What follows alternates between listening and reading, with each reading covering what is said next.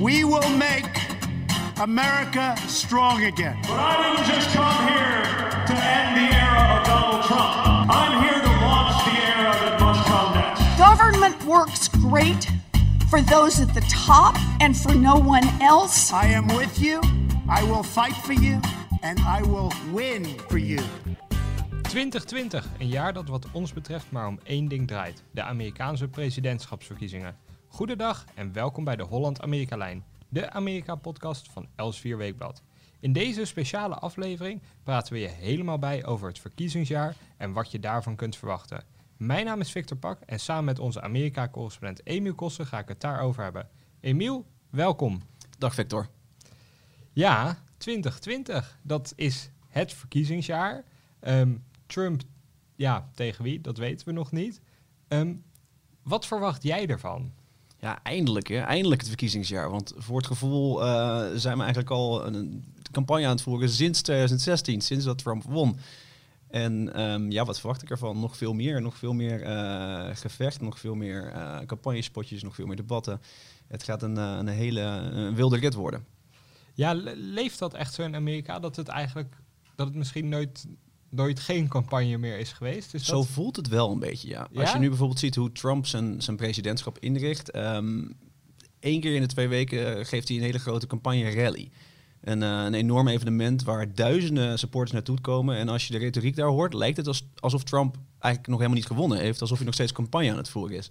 En um, de Democraten hebben iets vergelijkbaars als je kijkt naar impeachment. Daar is ook een, een hele campagne omheen die eigenlijk al begonnen is sinds uh, ja, uh, die dag in november in 2016, toen Trump won, toen waren er al meteen stemmen uh, die opriepen tot, uh, tot impeachment. En uiteindelijk zijn we nu hier beland. Ja, ja, impeachment. We gaan deze podcast gaan we een aantal onderwerpen langs. Um, we gaan zo meteen beginnen met impeachment. We gaan het ook hebben over waar je op moet letten dit jaar. Um, welke peilingen zijn nou belangrijk en welke eigenlijk niet? En welke andere factoren spelen een rol bij de, bij de mogelijke herverkiezing van Trump? Um, we gaan ze allemaal langs en we beginnen bij wat je al zei, impeachment. Um, Trump is geïmpeached, zo moet ik het uh, zeggen nu, want dat, dat werd hij. Um, door het Huis van Afgevaardigden? Ja, ja, door het Huis van Afgevaardigden. Maar hij is nog niet afgezet. Dat... Nee, want hoe dat werkt is dat het Huis stemt er eerst over, um, over uh, de beschuldigingen. Um, Trump wordt beschuldigd van uh, obstructie van de rechtsgang en machtsmisbruik. En een meerderheid van het Huis heeft daarvoor gestemd. Nu is het aan de Senaat om te beslissen of die beschuldigingen terecht zijn. En twee derde daarvan uh, van die Senaat moet daarvoor stemmen voordat een president daadwerkelijk wordt afgezet. Ja, en in die Senaat is er één persoon, ja, eigenlijk wel één persoon, kan ik wel zeggen, die echt heel belangrijk is en die eigenlijk ook de touwtjes in handen heeft. Mitch McConnell. Mitch McConnell. Ja, ja wie is dat? Mitch McConnell is de Republikeinse leider in de Senaat. De Republikeinen hebben een meerderheid in de Senaat en dus mogen zij de voorzitter kiezen. Um, als je het zag in het Huis van Afgevaardigden was dat Nancy Pelosi, een democraat. En in de Senaat is dat dus Mitch McConnell. En hij bepaalt, uiteraard uh, in overleg met, uh, met zijn senatoren, hoe de impeachment eruit gaat zien uh, de komende weken. en hij probeert het zo kort mogelijk te houden. Dat is een van de dingen die hij al, al duidelijk heeft gemaakt. Ja, dus de, de democraten hadden in de, in de aanloop naar dit proces, hadden zij de touwtjes in handen en die ligt nu weer bij de Republikeinen. Dat, dat is dan voordelig voor Trump, neem ik aan. Ja, en dat is de touwtje in handen um, in zaken het proces. Dus hoe die impeachment wordt gevoerd. De Democraten mochten bijvoorbeeld kiezen in het huis wie ze dan zouden verhoren. En uh, wie er zou, uh, wie er, van wie er getuigenissen zouden worden gevraagd. En hetzelfde gebeurt nu in de Senaat. En um, dat is nog best wel een onderhandeling, want niet die hele partij is het, uh, is het met elkaar eens. Er zijn republikeinen die bijvoorbeeld um, Joe Biden wilden wilde vragen om te komen getuigen. Ja. Om maar extra uh, aan te tonen dat, dat niet alleen Trump obscure dingen heeft gedaan, maar dat, dat de Bidens dat bijvoorbeeld ook deden. Maar daar is bijvoorbeeld geen meerderheid voor, dus dat lijkt niet te gebeuren. Oké, okay. want Biden is belangrijk. Impeachment draait om Oekraïne of om, ja, om zaken die daar zich hebben afgespeeld. Trump heeft de Oekraïense president verzocht een onderzoek te openen naar de zoon van Joe Biden. Joe Biden, voormalig vicepresident onder Barack Obama.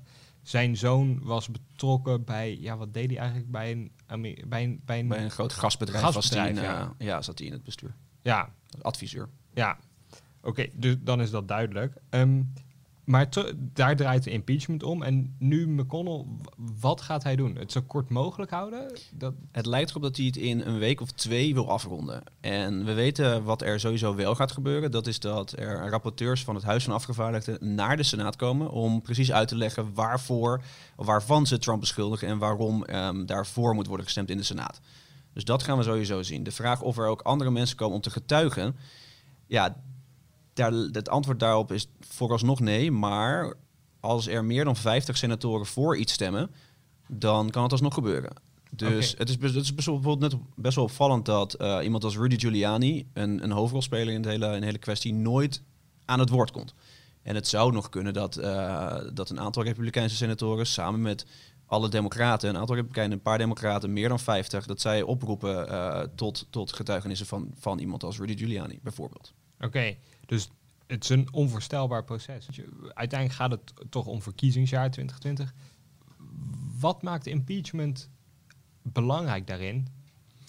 Nou, in eerste instantie is het voor McConnell ehm, belangrijk om het niet te lang te laten duren, omdat het dan eh, gaat overlappen met de voorverkiezingen bij de Democraten.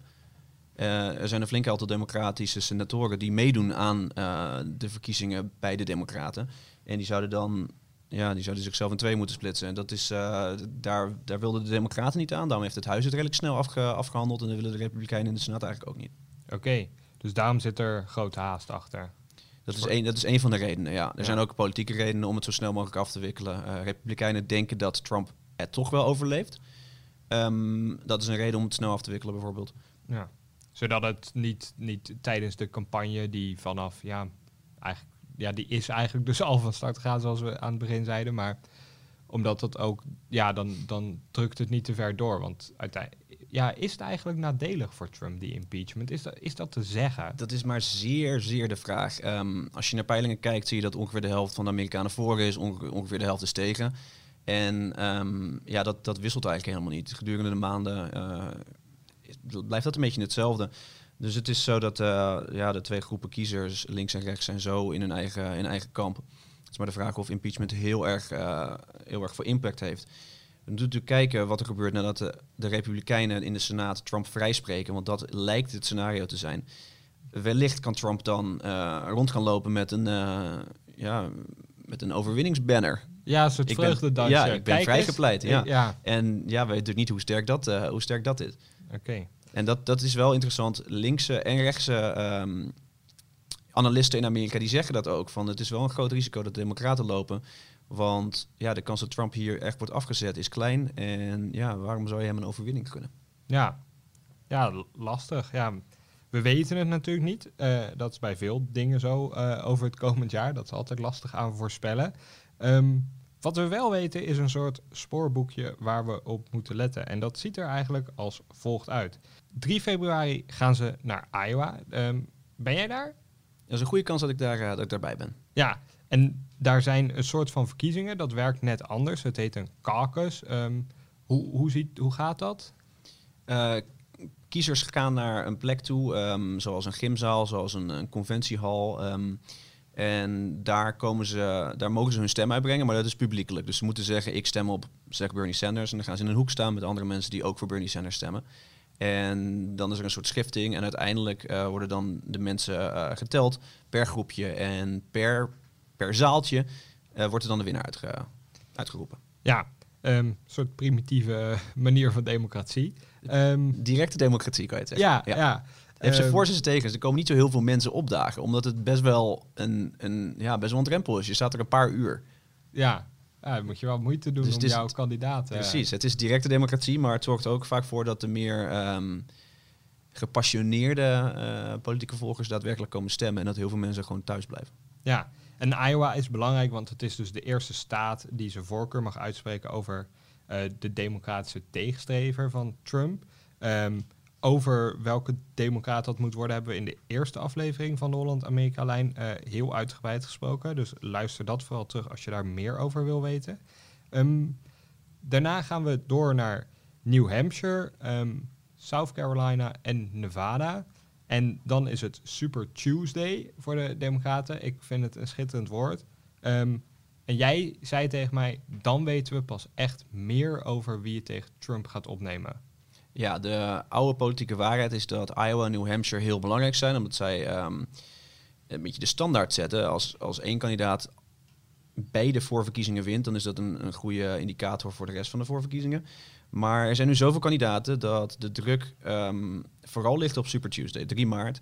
Want dan gaan 14 staten tegelijkertijd naar eh, de stembus. Dat is 33% van alle eh, delegatieleden. Die, die worden op die dag worden die verkozen. Dus stel dat, ehm, stel dat Joe Biden het daar heel goed doet, dan zou dat wel eens eh, doorslaggevend kunnen zijn, die dag. Oké, dus op 3 maart weten we meer over de, de richting die de Democraten in gaan slaan. Ehm, uiteindelijk wordt dat bepaald eh, op de conventies. Je noemde het net al, delegatieleden. Ehm, tijdens alle voorverkiezingen eh, verzamelen eh, kandidaten voor het presidentschap delegatieleden. En ja, eigenlijk moet je zorgen voor een meerderheid of iets meer dan daalt gekwalificeerde meerderheid. Ehm, en die stemmen nog één keer op een conventie. Daar ga jij ook naartoe, heb ik gehoord. Zeker. Ehm, en daar wordt bepaald dan, ja, voor de Republikeinen is, is het al bekend, het wordt Trump zeer waarschijnlijk. Voor de Democraten hebben we ei- dus nog geen idee. Ehm, die worden daar geïnaugureerd als kandidaat, kan ik het zo omschrijven? Ja, gekroond eigenlijk, ja. Ja, gekroond, ja. En dat is, dat, is niet, dat is een soort een, meer recente ontwikkeling. Ehm, vroeger gebeurde het nog wel eens dat het niet helemaal duidelijk was welke kandidaat de meeste eh eh, gedelegeerden eigenlijk achter zijn naam had. Dat is tegenwoordig vaak niet meer zo. De kans is klein dat we alle 50 staten afgaan en kijken wie daar die voorverkiezingen wint. Meestal als we naar een, eh, naar een x-aantal staten hebben alle andere kandida- kandidaten zich teruggetrokken. En weten we dus automatisch wie er wordt gekroond tijdens die conventies. Ja, oké, dus dan... en Vandaar, dan- vandaar dat 3 maart ook zo belangrijk is, omdat dan 13 staten tegelijkertijd gaan. En dat kan opeens eh, ja, iets forceren. Ja, en de, die conventies zijn belangrijk om te benoemen in juli voor de Democraten en in augustus voor de Republikeinen, geloof ik. Ja, zit altijd een paar weken tussen. Ja, en eh, de Democraten die doen het, ik vond het wel in een symbolische eh, staat, of, of stad eigenlijk, maar het staat symbool voor de staat. eh, Milwaukee in Wisconsin. Ehm, ik zag al huigen, ja, ik zag al grapjes op Twitter in ieder geval over, oh, de Democraten doen nu opeens wel Wisconsin aan. Waarom doen ze dat? Nou, in 2016 eh, won Trump er. En dat was een, eigenlijk een hele grote verrassing. ehm, want daarvoor, je kan het lijstje afgaan. Obama won makkelijk in Wisconsin twee keer. John Kerry won in, won in Wisconsin. Al Gore won in Wisconsin. En toen won opeens Trump. En dat kwam ten dele omdat Hillary Clinton nooit campagne heeft gevoerd in de staat. Ze ging er gewoon vanuit dat ze zou winnen. Trump ging er wel heel vaak langs. Ja, en die won dus. En dat zit de Democraten nog steeds eh, ja, diep. En dat is een van de redenen waarom nu de conventie in Milwaukee wordt gehouden. Om, om kiezers daar te laten zien, wij vinden jullie wel heel belangrijk. Ja, duidelijk. Ehm, ja, en dan eigenlijk vanaf eh, augustus is het dus, ja, da- dan, het is nu misschien dan al campagnetijd, maar dan is het echt ja, een soort sprintrace of gewoon, ja, marathon is niet echt. Het is meer gewoon keihard naar de, ja, de eindstreep en die ligt op eh 3 november 2020. Maar daarvoor hebben de Republikeinen nog eerst in, in North Carolina, in Charlotte, hun feestje. Ja, dat is in augustus, toch? Ja. Oké, ja. Dat is ook interessant. North Carolina is een staat die bekend staat als republikeins. Maar ehm, er is een grote instroom van jonge mensen, van linkse mensen. En die staat wordt langzamerhand wat minder rood, wat meer paars. En dat is misschien een van de redenen dat de republikeinen daar hun conventie houden. Oké, allebei de partijen maken dus echt tactische keuzes over waar ze die conventie doen. Dat komt ook, zo'n conventie is niet één dag in een eh, lokale gymzaal. Het is vaak een heel groot spektakel van een week ongeveer. Ja. Waarin heel de partij, alle topstukken, functionarissen, die komen naar die stad toe.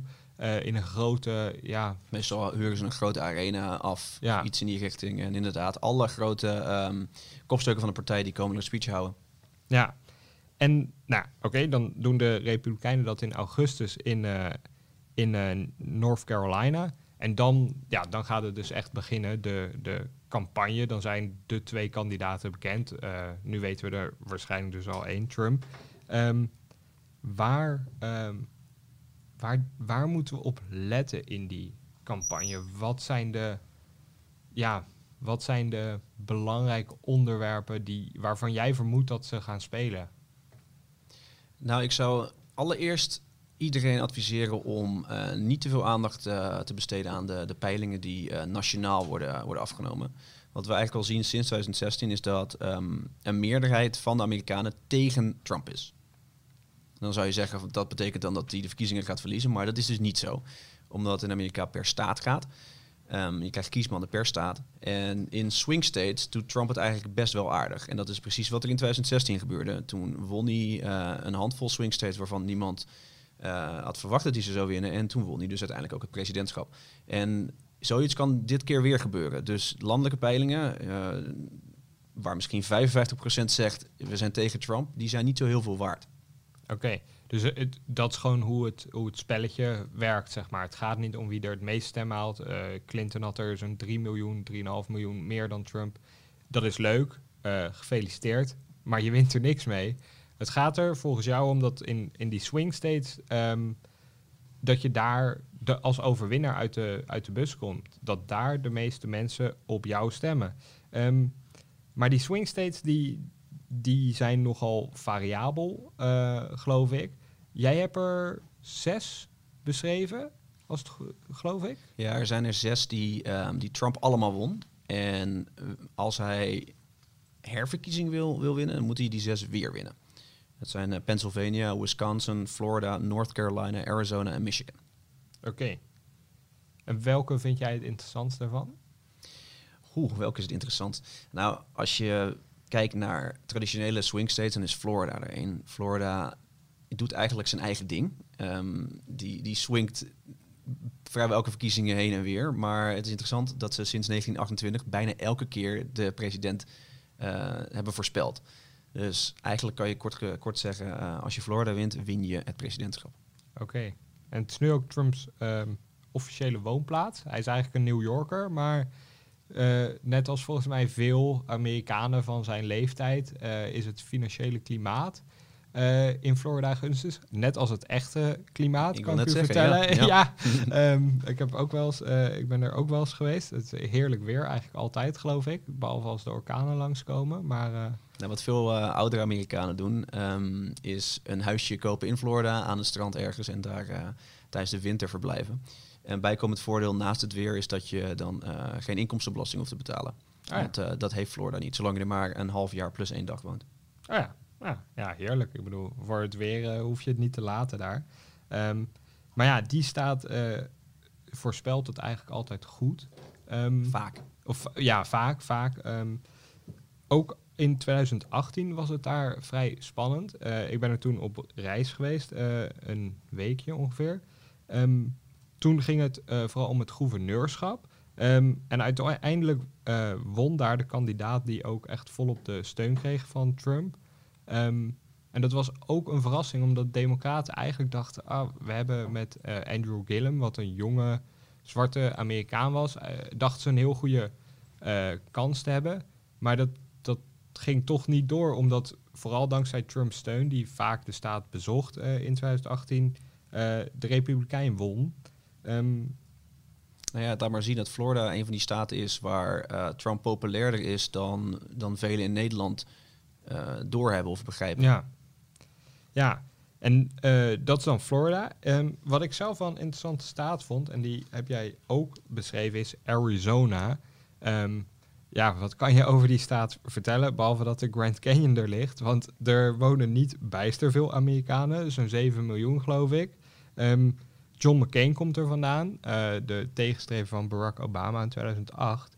Um, het is een woestijnstaat die ook die dezelfde um, beweging kent volgens mij als North Carolina. Het wordt langzaamaan democratisch. Volgens mij komt dat ook door uh, demografische ontwikkelingen. Um, er zijn heel veel Latino's daar. Die stemmen toch iets sneller op democraten dan op uh, republikeinen. Um, wat vind jij, wat verwacht jij dat zo'n staat gaat doen? In 2018 koos het voor het eerst sinds heel lang tijd voor een democratische senator. Is 2018 daarmee een gidsjaar? Of is dat, hoe, hoe moeten we dat duiden? Ja, dat is moeilijk te voorspellen. Ehm, Arizona is nog steeds een rode staat. Nog steeds zijn er meer eh, kiezers die zich eh, beschrijven als republikein dan als democraat. Het is wel zo dat er meer onafhankelijke kiezers zijn. En die kunnen natuurlijk eh, ja, voor beide partijen kiezen. En het klopt dat er, dat er steeds meer Latino's zijn. En ehm, ja, de vraag is dan of die komen opdagen bij de, bij de verkiezingen. En dat is vaak genoeg gebleken dat, dat het opkomstpercentage onder Latino's een beetje tegenvalt. Maar als democraten ervoor kunnen zorgen dat, eh, ja, dat die mensen wel komen, ja, dan, dan, dan hebben ze een, op zich een kans om, om Arizona te winnen. En John McCain is interessant daarbij. Eh, John McCain is de oer-republikein, een van de bekendste republikeinen eh, van de afgelopen decennia. En een grote ster in Arizona. Het probleem is dat Trump en John McCain totaal geen goede band met elkaar hadden. Gingen rollend over straat. En ehm, John McCain is, is sindsdien overleden. Maar zijn vrouw, die mengt zich nog steeds in het publieke debat. En die is een grote tegenstander van Trump. Dus dat kan nog een interessante, kan een interessante rol spelen. En zij voorspelt ook dat eh, de Democraten eh, haar staat gaan winnen. Oké, dat is een eh, interessante voorspelling. Eén die ik niet durf te doen. Maar interessant gaat het wel worden. Ehm, uiteindelijk, ja, Trump moet al die, al die staten, Arizona, Florida, winnen. Omdat dat is, dat is eigenlijk zijn enige pad naar de overwinning, zeg maar. Als, Nou ja, wat je zei, Hillary Clinton won ehm, veel meer stemmen dan Trump. Dus als je het, als je het landelijk, ziet. Dus Trump moet op een bepaalde manier, eh, bepaalde manier die, eh, ja, die hobbel overkomen. En dat is door slim een x-aantal swing states te winnen. ja, Ja. oké. Ehm, ja, en hoe win je swing states? Ehm, In het geval van Trump is het eh, vooral eh, heel veel aandacht geven aan je kiezersbasis. De kiezers die hem in 2016 hebben verkozen, die wil hij opnieuw trekken. Vandaar ook al die campagne-rallies. ja. Ehm, pas nog in Michigan. Want al die campagne-rallies zijn in die swing states, zeg exact. maar. Ja. Eh, Trump gaat nooit naar California, waar het vrij links is, zeg maar. Vrijwel nooit, nee. Eh, uit mijn hoofd, de laatste twee campagne-rallies waren in Michigan. ehm, in het midden van, eh, van de fabrieken die, die cornflakes maken. Typisch. Trump-gebied. En daarvoor was het in Hershey, Pennsylvania, waar de chocola wordt gemaakt. Dus hij gaat naar het eh, industriële Midwesten wat dat betreft. Ja, oké. Dat is zijn, dat is zijn campagne-tactiek. Kan ik dat zo omschrijven? Naar de staten gaan die voor hem cruciaal zijn. En daar dan ook nog eens de gebieden uitzoeken waar jouw kiezerspubliek zit. Ja, ik sprak onlangs met eh, Trumps campagneleider, Brad Parscale. En ja, dat is eigenlijk wat hij zei. Eh, wij gaan niet winnen door nieuwe kiezers te trekken. Wij gaan winnen door onze kiezers daadwerkelijk naar die stembus te krijgen. En een van de manieren hoe je dat doet is door er zo vaak mogelijk heen te gaan. Ehm, een andere manier hoe je dat doet is door je retoriek heel erg scherp te houden. Dus we kunnen van Trump meer aanvallen verwachten, eh, meer retoriek over immigratie verwachten. Ehm, om maar uiteindelijk al die Trump-fans eh, naar, de, naar de stembus te krijgen. Dat is trouwens niet, niet per se een makkelijke opgave. Hij won met heel weinig eh, stemmenverschil in staten als Wisconsin. En het is best wel een, een, een lastige collectie kiezers. Eh, je hebt het over boeren in Wisconsin, je hebt het over mijnwerkers in West Virginia, je hebt het over fabriekswerkers in Pennsylvania, maar je hebt het ook over de traditionele welvarende republikeinen in de voorsteden. Ja, En ja, die moet hij wel allemaal bij elkaar zien te, zien te scharrelen. Dus hij heeft een heel beperkt bereik. Of ja, hij heeft gewoon een, een harde kern. En daar, daar is hij echt van afhankelijk. Ja, en op zich is dat een hele interessante kern. Want het zijn Ja. mensen die, die op het oog niet zoveel met elkaar te maken hebben. Maar het kan best lastig blijken om, het, om die, ja, die coalitie van 2016 om die weer bij elkaar te krijgen. Ja, dus het is zeker, ja, hij, er staat hem nog een echte klus te wachten eigenlijk het komende jaar. En toch, interessant eh, gegeven, als je kijkt naar de, de wetkantoren in, eh, in Amerika, die, eh, ja, die geven nog maar 1 cent als je nu een, een, dollar op Trump inzet. Dus je krijgt je, krijgt je 1 cent winst. 1 cent winst. Ja, zo, zo groot achter zij de kans dat Kans. Trump gewoon nog een keer wint. Oké. Ja, er zijn er weer een reeks factoren voor, zoals de economie. Ja, Die, gaat als een trein, Ja, nog steeds.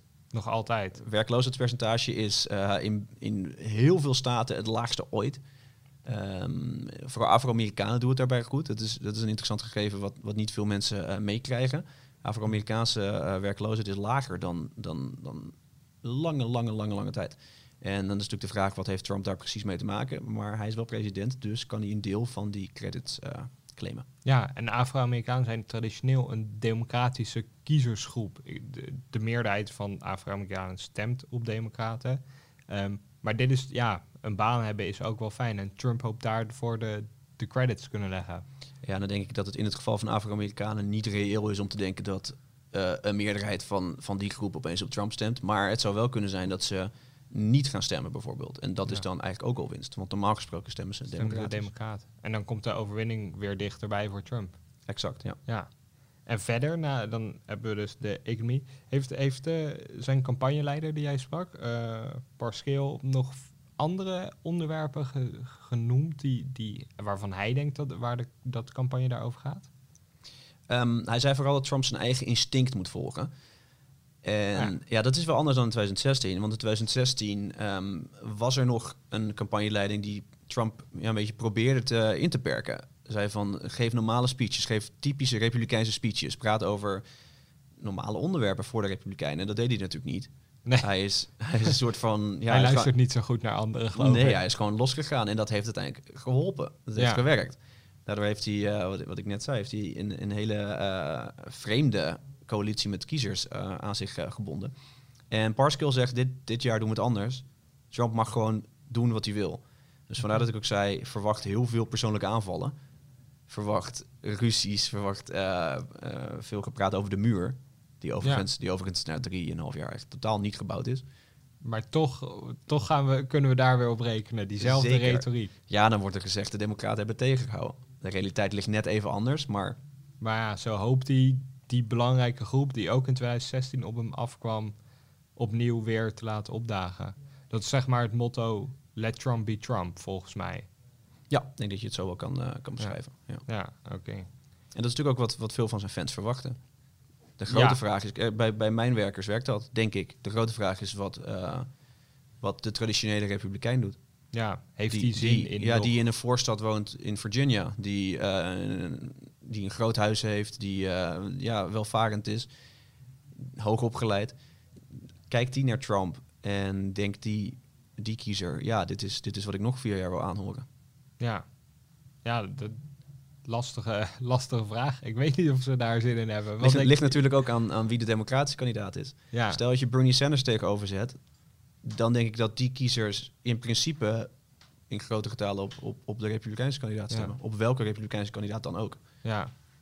ja. Maar goed, het, is, het kan heel anders lopen als je een andere democraat hebt die, eh, die die nominatie pakt. Ja, en verder is het, eh, ja, de economie draait goed. Verder is er ook niet zo veel dat een herverkiezing, denk ik, in de weg staat. Want impeachment, waar we het over hadden, ja, waarschijnlijk is het snel afgerond in het nieuwe jaar. Ehm, en ja, er is geen grote oorlog echt gaande. Ehm, Dat is daar natuurlijk altijd, ja, buitenlandbeleid is altijd een soort, soort van joker tijdens een verkiezingsjaar. Ja, Want er, elk moment zou er iets kunnen gebeuren. We hebben nog steeds Noord-Korea, dat, eh, ja, waar van alles gebeurt. Met rakettesten. ehm, en Trump heeft beloofd daar iets aan te doen. Stel dat, dat, eh, ja, dat er toch iets, toch iets barst in die relatie eh, tijdens het verkiezingsjaar, kan dat impact hebben. We hebben Iran, dat een, eh, een, een zeer onvoorspelbare factor is. En ehm, dan is er ook nog China, waar een, een handelsdeal mee wordt onderhandeld. Dus er zijn, er zijn wel dingen in het buitenland die invloed kunnen hebben. Dat is, dat is een oude politieke waarheid. Stel dat dat gebeurt in, in de zomer, dan kan dat eh, de rest van de verkiezingen, uh, beïnvloeden. Ja, en de befaamde Oktober Surprise. Ehm, dat was afgelopen keer, dacht ik eigenlijk, was het het filmpje van Grab 'em by the Pussy, ehm, wat de Washington Post publiceerde. Ja, misschien Ehm, handig om even te zeggen wat Oktober Surprise is. Ja, nou ja, dat is een soort, ook een campagnewet, waar, maar voor mijn gevoel, die ik, die ik alleen echt aan 2016 aan evenementen kan toeschrijven. Eh, maar dat is een campagnewet dat er in oktober, de maand voor de, Ameri- voor de Amerikanen naar de stembus gaan, gebeurt er iets. Een soort scoop. Ja, een onthulling, een gebeurtenis die heel de verkiezingsrace op zijn kop kan zetten. En wat ik dus wilde zeggen was dat in, in 2016 dacht ik, dat is dat filmpje van Trump, eh, waarin hij dat zegt, heel vooral on- onvriendelijk.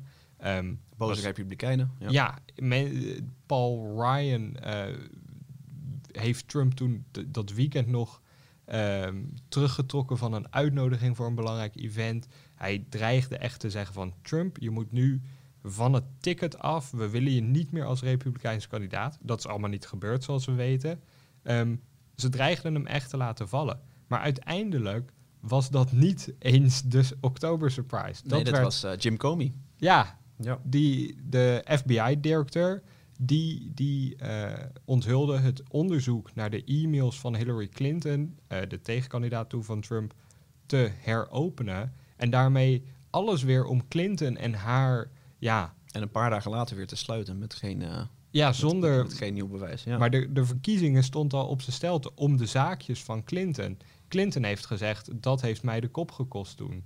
Ehm, Ja, het zou kunnen. Dat weten we natuurlijk nooit. Maar er waren inderdaad een flink aantal eh, verrassingen in oktober.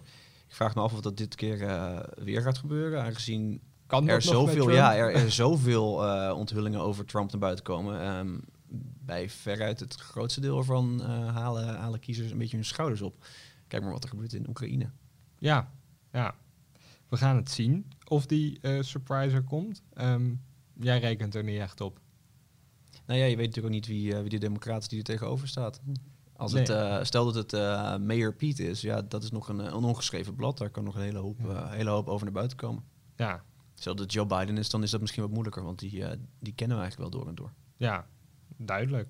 Ehm, dan was dit hem zo, het spoorboekje voor 2020. Het wordt een spannend jaar. Ja, missen we nog iets? Een, een halte, een station, ehm, wat we onbenoemd hebben belaten? Ik geloof het niet. Nee. Oké.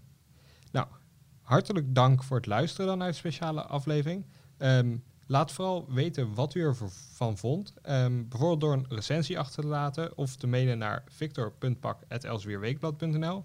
Ehm, wilt u nou meer podcasts van Elsvier Weekblad horen? Abonneer u dan op uw favoriete podcast-app op Elsvier Weekblad. Ehm, de volgende keer zijn wij er gewoon weer met een normale aflevering. Waar dat over gaat, weten we nu nog niet, maar dat hoort u dan. En graag tot de volgende keer.